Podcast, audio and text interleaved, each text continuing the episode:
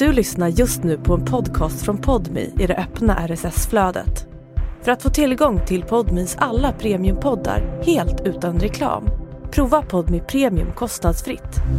Ladda ner appen i App Store eller Google Play. Inte ens mina närmaste vet om vem jag är när jag sitter framför datorn. I en lägenhet på Kungsholmen i Stockholm sitter författarparet Alexandra och Alexander Andoril bakom varsin laptop. Vi måste vara hemliga. Dricker te, äter citronkex, skriver på samma bok. Vi måste skydda det här som vi har hittat, att, att vi plötsligt kan skriva ihop. Det här är Alexandra och Alexanders stora hemlighet. Och det var också därför vi inte berättade för någon. Utåt sett är de två hårt kämpande författare som hankar sig fram på smal litteratur och diverse extra knäck. Det var väldigt tajt ekonomiskt.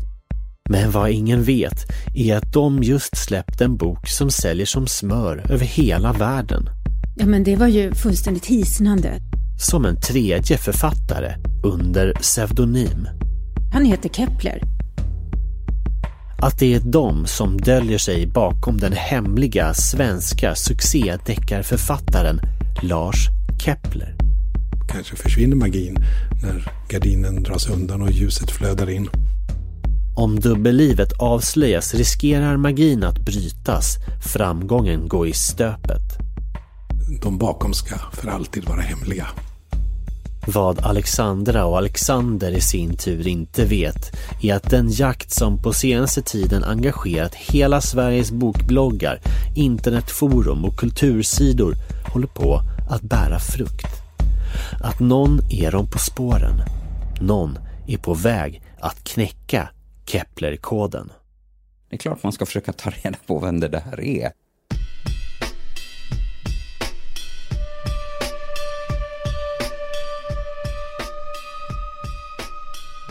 Du lyssnar på Dubbelliv, podcasten om våra hemliga liv och dolda identiteter. Från Banda för Podmo. Jag heter Hugo Lavett. I det här avsnittet berättar Sara Olsson historien om människorna bakom Lars Kepler.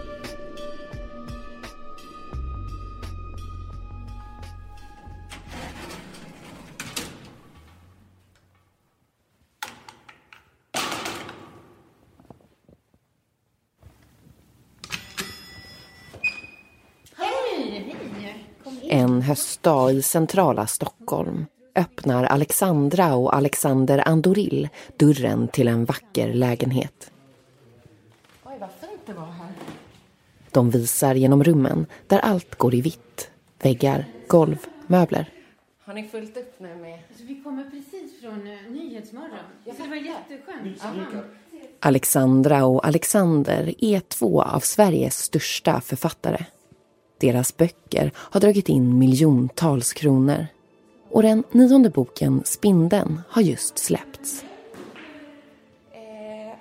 Men Alexandra och Alexanders liv har inte alltid varit fyllt av intervjuer, författarsamtal, boksigneringar och möten med läsare. Inte då, när de fortfarande var hemliga.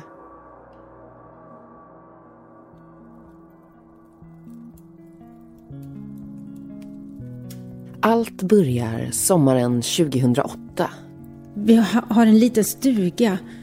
i ett falurött litet hus med plåttak norr om Falkenberg. på västkusten.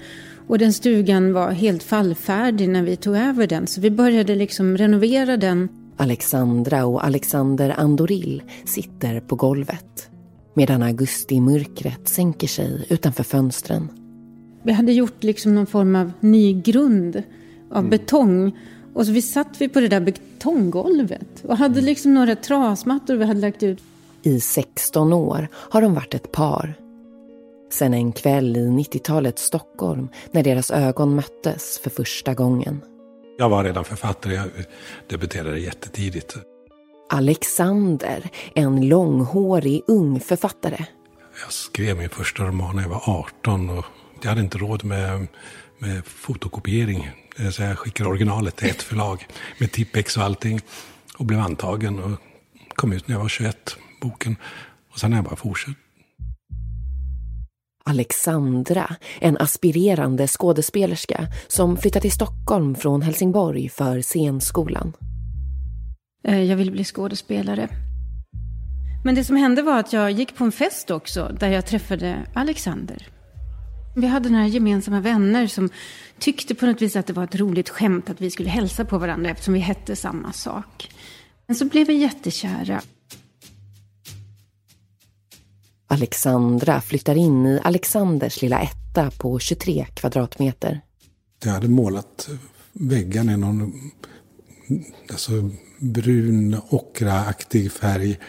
Och det var fullt av böcker och ikoner och krucifix och skivor. Och hallen var full av fastklistrade spegelskärvor. Och jag, jag, tror att du hade skrivit baklängesskrift på väggarna ja, men det var, det var en bok som jag skrev baklänges på väggarna. Spegelvänt baklänges och nerifrån och upp. För att kyla ner min lite överhettade hjärna. Paret inspirerar varandra.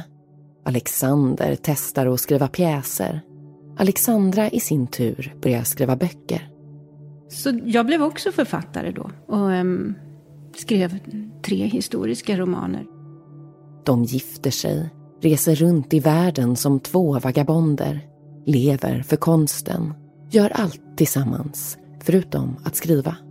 Så såg våra liv ut. Vi reste och skrev och um, levde. Så kommer barnen, två i tät följd, sen ett tredje.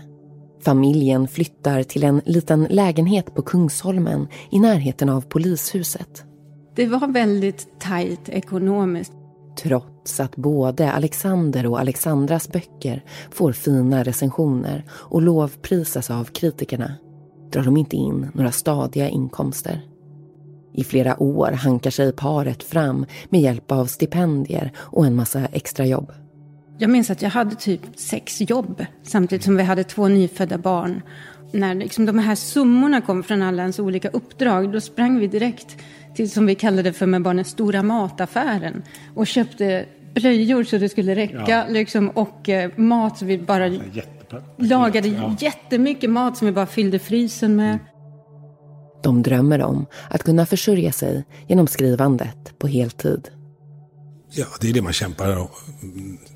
Från ens första skrivförsök är ju det drömmen att få jobba heltid.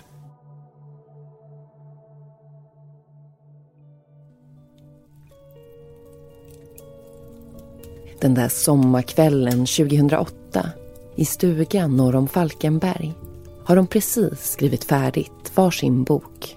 Vi hade blivit klara ganska samtidigt och då finns det ett märkligt vakuum eller slukhål inom en som man väldigt gärna vill fylla med, med ny kreativitet. Och det är för de flesta författare ett rätt otäckt tillstånd när boken är avslutad och det nya inte har börjat. Kommer det någonsin bli något mer? Man vet inte. Kanske kan de testa något nytt. Head over to Hulu this March where our new shows and movies will keep you streaming all month long. Catch the acclaimed movie All of Us Strangers starring Paul Mescal and Andrew Scott. Stream the new Hulu original limited series We Were the Lucky Ones with Joey King and Logan Lerman. And don't forget about Grey's Anatomy. Every Grey's episode ever is now streaming on Hulu. So, what are you waiting for? Go stream something new on Hulu. Det enda vi inte gjorde var att skriva ihop. Så vi tänkte att vi skulle försöka skriva ihop. De har testat tidigare. Vi försökte skriva en barnbok eftersom ja, vi hela tiden läste för våra barn. Eh, men det gick åt pipan faktiskt fullständigt. Vad hände?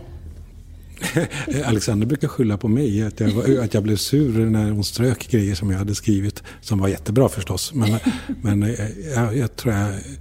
Det gick nog inte att få ihop våra stilar. Men det är väldigt intimt för en författare. Alltså språket, vad, vad, vad, det är ens röst, det är, ens själ. Liksom. Och det, det bereds sig i mig. Först misslyckas de med projektet att skriva en barnbok tillsammans. Sen havererar planen på en gemensam pjäs. Det gick bara inte. Men så är det som att det går upp ett ljus den där sena kvällen på trasmattorna på betonggolvet i den lilla sommarstugan. Vi bara fattade. Vi måste hitta på en tredje författare som vi kliver in i på något sätt. Och där vi släpper Alexander och Alexandra. En tredje författare. Två som blir en. Men vem? Och i det ögonblicket så säger Alexander, han heter Kepler. Man måste heta Kepler i efternamn. Namnet Kepler får Alexander från Johannes Kepler. En tysk astronom, matematiker och mystiker. Tycho Brahes medhjälpare i början av 1600-talet. Om dem har Alexandra skrivit en bok. Och det var, tyckte jag var, hade precis rätt mörka ton, liksom en sorts... Jag har ett ackord som skapar en känsla av hur den här författaren ska skriva. Och då tänkte jag först att det kanske är en kvinna som heter Lotta. Mm. Lotta Kepler. Och så säger jag Lotta. Alexander gillar namnet Lotta. Jag döpte min hårddisk direkt till Lotta. Men Alexandra är inte helt nöjd. Vänta, nej, Lars! Och då bara förstår vi, liksom, just det, så är det. För mig kändes Lars jätte, jätterätt. Det var också en hyllning till Stig Larsson som, som ju dog så tragiskt. Och som vi kände också en viss, liksom, kände oss tacksamma över att han hade på något vis förnyat den svenska deckartraditionen. För vi fattade direkt också att Lars Kepler skriver thrillers. Skriver vilda, vilda deckare. Deckare? Det svenska undret som älskas av miljoner läsare världen över. Spänning, krim, blod, mord. Inte i närheten av den typ av litteratur någon av dem ägnat sig åt tidigare. Men den här Lars Kepler kan tydligen det här med kriminalromaner. Kan ni inte berätta lite mer om Lars? Vem är Lars? Jo, men Lars Kepler är gymnasielärare och han eh, råkade ut för en personlig tragedi som gjorde honom fullständigt skygg. Folkskygg. Han, eh, han sitter och skriver de här mörka berättelserna och, eh, och så jobbar han på härberge för hemlösa. Eh, möter öden och eh, tänker och spinner sina berättelser. Han vill inte berätta om det där som hände. Vi vet bara att det hände någonting. Så han är väldigt hemlig gentemot oss. Varför just en gymnasielärare? Varför liksom mm, inte. Vi vet inte. Han, han var gymnasielärare. Han bara dök upp. Ja. Inför Alexandra och Alexander tar Lars Kepler form. En skäggig, skygg för detta gymnasielärare. Och så började vi skriva. Direkt? Ja, ja alltså vi började direkt. Mm. Samma kväll börjar de spinna på berättelsen som ska bli deras första gemensamma roman, Hypnotisören. Det går förvånansvärt enkelt. Plötsligt flödar idéerna. De fyller i varandras meningar. Fram växer en otäck historia om ett bestialiskt mord på en hel familj. Om kriminalkommissarie Jona Linna som försöker lösa fallet med hjälp av en hypnotisör. Det var som en kreativ flod vi släppte lös. Och då blev vi, i och med det så började vi försöka omgärda Lars Kepler med antar någon form av skyddsvallar genom att vi gav honom olika egenskaper. Vi gjorde en bild av honom. Eh, med, han har helskägg och lite rufsigt hår och skygga ögon. Han är en ensamvarg, så vi gav honom en hel historia. Lars Kepler får utseende och personlighet. Ja, det här var ingenting vi bestämde. Det var samma som vi bara upptäckte då. Att eh, han dricker te på morgonen. Och ett tag försökte vi till och med härma där och göra som han. Istället för kaffe. Vi, vi är liksom kaffeberoende. Men vi, vi provar att dricka te och äta hans himla citronkex som han skulle ha. Och i och med allt det här så, så kände vi också att vi måste vara hemliga. För att vi måste skydda det här som vi har hittat, att, att vi plötsligt kan skriva ihop. Och det var så det började med, vi ska inte berätta vilka som är bakom pseudonymen, utan vi ska bara säga att det är en pseudonym, Men de bakom ska för alltid vara hemliga.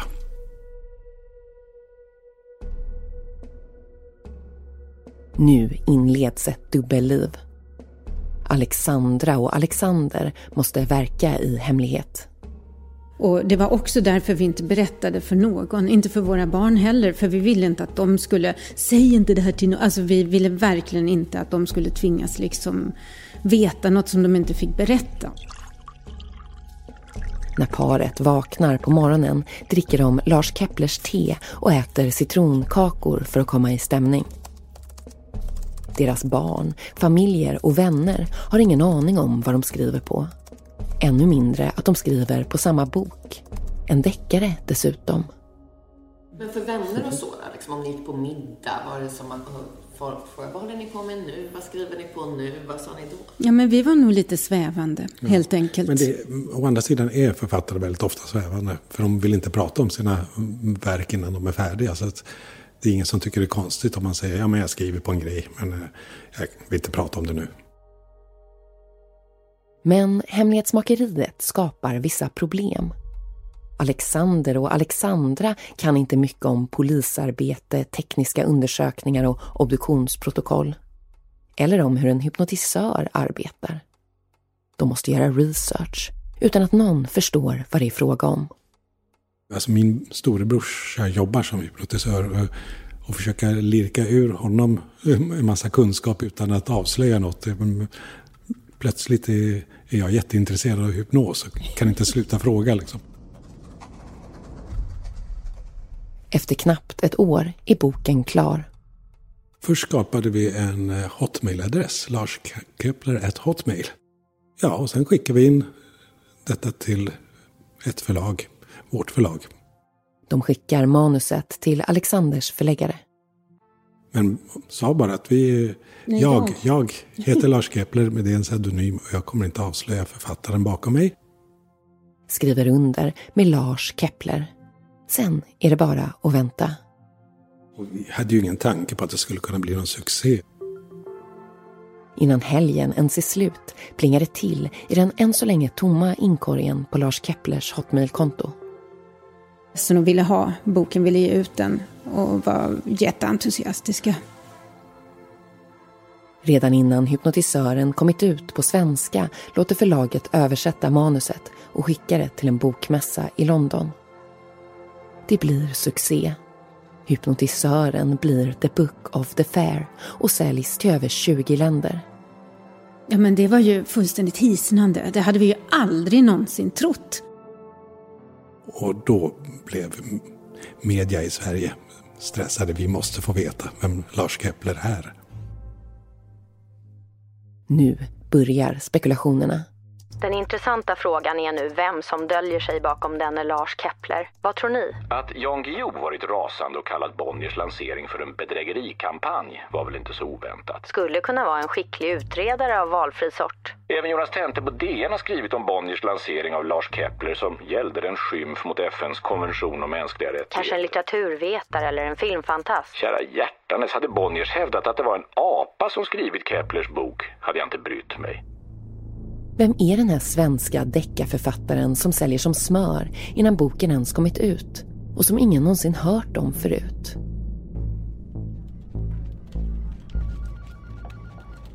Då var jag nyhetschef på Aftonbladet. Från Aftonbladets nyhetsdesk följer nyhetschefen Leif Kasvi spekulationerna om vem den nya succédeckarförfattaren Lars Kepler är. Ja, det var väl ganska håsat kring det där. Boken svarar väl upp till det antar jag. Den var, det var väl en bra berättelse och spännande och det var liksom inget hastverk på något sätt. Så att det blev väl extra intressant. I juli 2009 finns hypnotisören ute i bokhandlarna. Efter bara någon vecka ligger den etta på flera topplistor. Men trots de enorma framgångarna är det ingen som tar åt sig äran. Man förstod ju att det var en pseudonym. Jag tror inte det finns någon som heter Lars Kepler. Det var väl lite spännande kring vem det var. På bloggar, internetforum, kultursidor diskuteras vem som gömmer sig bakom pseudonymen. Så omedelbart pekades Henning Mankell ut. Först riktas strålkastarna mot Henning Mankel som förbannad går ut och dementerar. John Ajvide Lindqvist pekas ut. Stig Larsson, Leif GW Persson.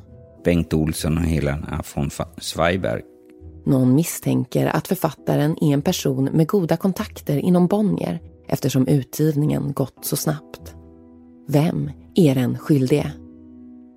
Det här skulle kunna vara en, en, en typ, ett typiskt uppslag som dök upp och det är klart att vi ska försöka göra något på Lars Kepler.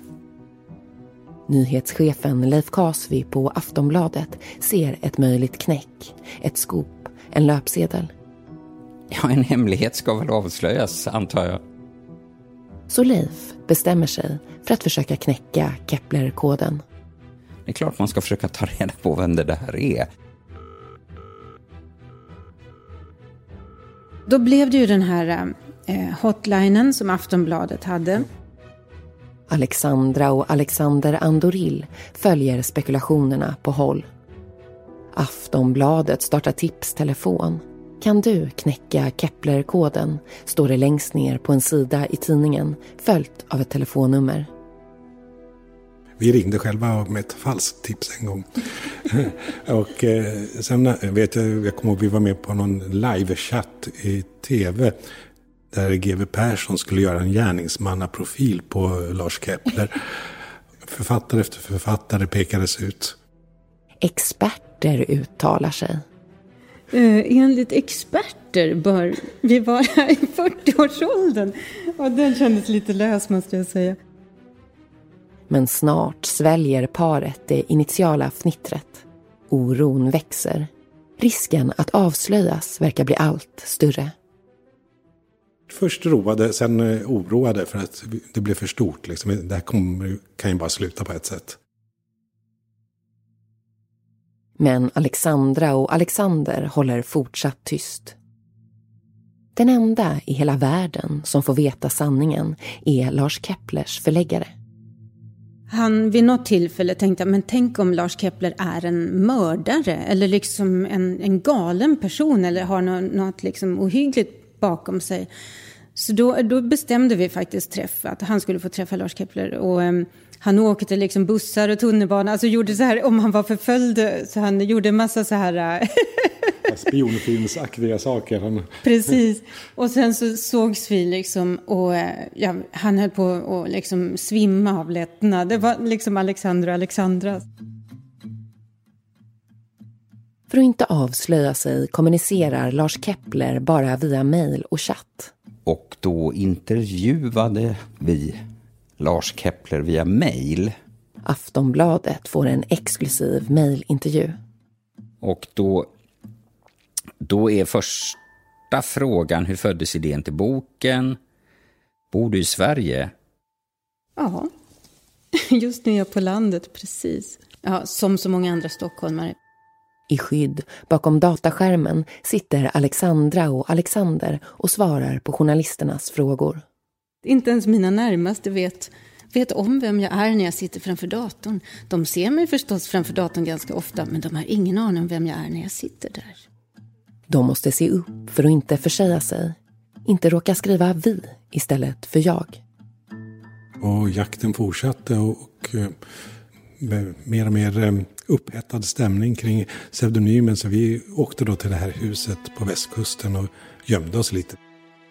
För att komma bort från allt ståhej reser paret ner till sommarstugan utanför Falkenberg. Vi höll på att renovera. Det regnade in så jag var uppe och klättrade på taket mycket. Och på den tiden fanns det inte heller någon uppkoppling där alls. Så att man nåddes ju inte av allting heller, vilket var skönt. De är inte ett ont anande om vad Aftonbladet med Leif Kasvi i spetsen har i görningen. Ja, det var den här formuleringen. I den exklusiva mejlintervjun som Aftonbladet gör med Lars Kepler upptäcker Leif några intressanta ledtrådar. Lars Kepler verkar ha barn, bor i Stockholm och ska röra sig hemtamt inne på Rikskrim. Jag befinner mig inne på eller i närheten av Rikskriminalen så gott som dagligen. Leif får en snilleblixt. Då tänkte jag att det där är ju förstås folk som bor någonstans i närheten. För det var formulerat på ett sånt sätt. Och då fanns det ju redan spekulationer om olika personer som det kunde vara. Leif tar listan med alla namn som dykt upp under spekulationerna. Vi kollar. Kollar på de namn som det spekuleras om och vart de bor. Och så får han träff på en otippad kandidat. Eller två. Och då fick vi ju träff på det här paret, Andoril, som bodde precis mitt emot Rikskrim, visade sig. Så då eh, fortsatte vi kolla på det där spåret. Medan Alexandra och Alexander i godan ro påtar i trädgården och renoverar sommarstugans läckande tak inleder Leif en regelrätt personundersökning. Då kollar vi vidare och hittar ett företag då som de hade startat. Han upptäcker ett företag kopplat till paret med namnet Green Eyes Fiction. Går man längre bak i bolagets register kan man se att ett av namnförslagen varit Green Eyes Head over to Hulu this March, where our new shows and movies will keep you streaming all month long. Catch the award winning movie Poor Things, starring Emma Stone, Mark Ruffalo, and Willem Dafoe. Check out the new documentary, Freaknik The Wildest Party Never Told, about the iconic Atlanta Street Party. And don't miss FX's Shogun, a reimagining of the epic tale, starring Anna Sawai. So, what are you waiting for?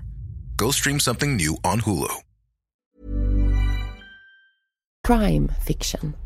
Kan det vara en ledtråd? Namnet skvallrar väl om att de skulle skriva kriminallitteratur. Bolaget är dessutom startat i samma veva som Lars Kepler utlovats ett rekordstort förskott på boken Hypnotisören. Och sen rullar det väl på liksom. Aftonbladets journalister finner flera indicier som pekar mot paret Andoril. En reporter gräver fram att Alexanders bror minsann är hypnotisör. Och så fanns ju det här om Tycho Brahe, ja. Att Alexandra skrivit en bok om Tycho Brahes medhjälpare Johannes Kepler. Har Leif knäckt Kepler-koden? Det finns inget annat att göra än att försöka ta reda på saken. Då hittar vi sen att de hade ett fritidshus. Leif skickar en av sina mest erfarna reportrar mot västkusten.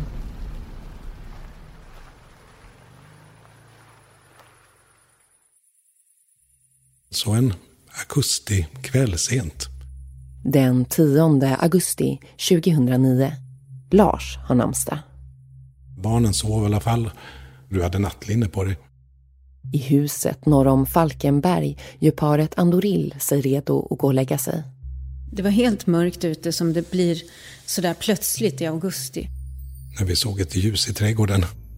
Plötsligt får de syn på en ljuskägla som rör sig genom den mörka trädgården. Ett konstigt ljus som kom närmare och närmare oss eh, över vår tomt. Någon med ficklampa verkar leta sig fram mellan körsbärsträd och krusbärsbuskar. Och sen så knackade det hårt på dörren och jag menar det är ganska ensligt där ute så jag blev ju jätterädd och mm, hade bara nattlinne på mig så jag tvingade Alexander att springa och öppna. Alexander trycker ner handtaget. Jag såg två journalister, en med kamera, en med ficklampa. Utanför står en fotograf med kamera och en journalist med Lars Keplers Hypnotisören i högsta hugg. Och de lyste på Alexander med en ficklampa och sa erkänn att du är Lars Kepler. Jag började skaka liksom i hela kroppen och alltså någon form av enorm rädsla där min hjärna liksom inte kunde förstå det här. För jag bara tänkte, är det brottsligt att ha en pseudonym? Jag liksom, har vi gjort något alltså kriminellt?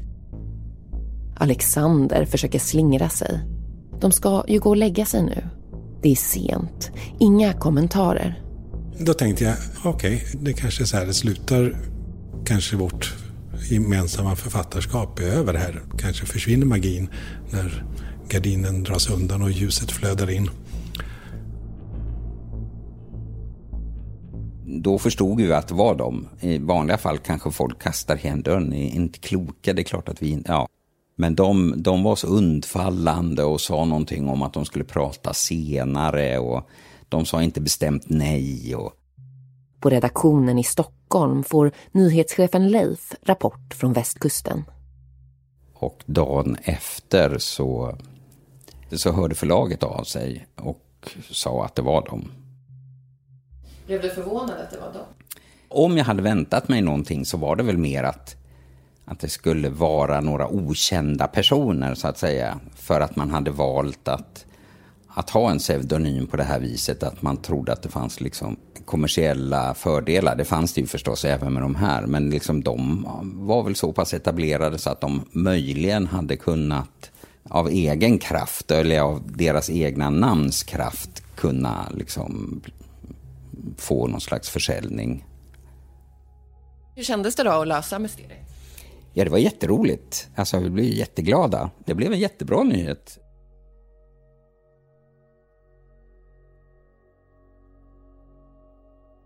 Nästa morgon, stora rubriker. Kepler är avslöjad.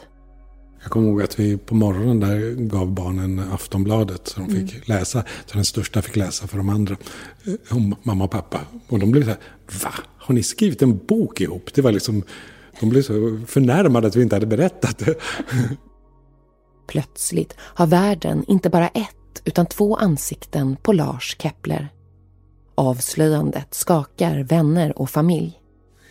De blev chockade, ja. jättechockade. Eh, men väldigt många blev taggade. Ja. Det, vi möter ju fortfarande författare som blir väldigt sugna på att försöka skriva ihop. Mm. Så att, um, prova att byta genre, för det får man ju göra. Jag tror att dina mostrar blev väldigt glada. Ja. Alltså, äntligen skriver du sådana böcker vi vill läsa. Ja. Så här, liksom. Idag är paret glada att de avslöjades efteråt, när vi förstår att det är inte så att vi har begått ett brott eller att, att vi ska ställas inför rätta eller något, så, så kom en enorm lättnad över oss. Att det här, det var, det var krångligt gjort av oss att mm. försöka vara hemliga. Eh, särskilt om man ska skriva, man behöver göra research och man vill träffa läsare och så vidare. Nu kan de möta sina läsare. De behöver inte ljuga. Och magin bröts inte. Ehm, men sen blev det ju inte så. Ehm, sen kunde vi skriva lika bra ändå ehm, tillsammans. Så att i efterhand känns det ju bara som en lättnad. Det var ju tur för oss att det blev så här. För att det här blev en succé i hela världen. Och sen fick vi ju resa runt och träffa läsare och förlag och journalister. Så att, det var ju väldigt tur. Lars Kepler blir decenniets bästsäljande författare på Bonniers med fler första placeringar på tio i topplistorna än någon annan författare från Sverige eller utlandet. Alexandra och Alexander Andoril blir Sveriges bäst säljande författarduo. Sedan dess har paret skrivit nio böcker under namnet Lars Kepler. Den stora skillnaden nu är ju att alla de här tusen miljarder olika andra jobben, att vi nu kan ägna oss åt att skriva, det är ju den stora lönen så att säga, att man får göra det man vill göra. Och vad har, liksom, vad har Lars Kepler gett er? Alltså, vi, vi, måste ju ha klart för oss att Lars Kepler finns ju inte, utan är helt enkelt vårt samarbete. Eh, och det här som uppstår mellan oss när vi går in i de här berättelserna. Eh, vi tänker väl lite just på Lars Kepler som person nu. Det, det försvann, eller man kan säga att det tonade bort efter avslöjandet. Och sen är det mycket mer bara vårt gemensamma skrivande som är Lars Keplers verk. Eh, vi behövde inte vara hemliga märkte vi och vi behöver inte dricka te på morgonen utan det går bra med kaffe. Tack och lov. Tack och lov. De fortsätter skriva på heltid tillsammans. Ja, men det är ju jättehärligt med, med pseudonymer. Inte, inte för hemlighetsmakeriet utan för den kraft man får av den här nya, det här nya namnet. Ja, att man kan bli ett oskrivet blad. Det är ju vad, vad det erbjuder, en, en omstart. Liksom en helt ny berättelse är möjlig.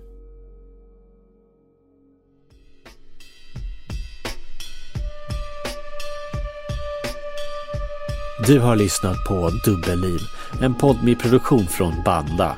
Reporter var Sara Olsson. Jag heter Hugo Lavett. Producent är Lovisa Lam Nordenskjöld. Slutmix av Axel Rickert Berkemar. Exekutiv producent på Podmi är Sofia Neves. Klippen i avsnittet kommer från Sveriges Radio.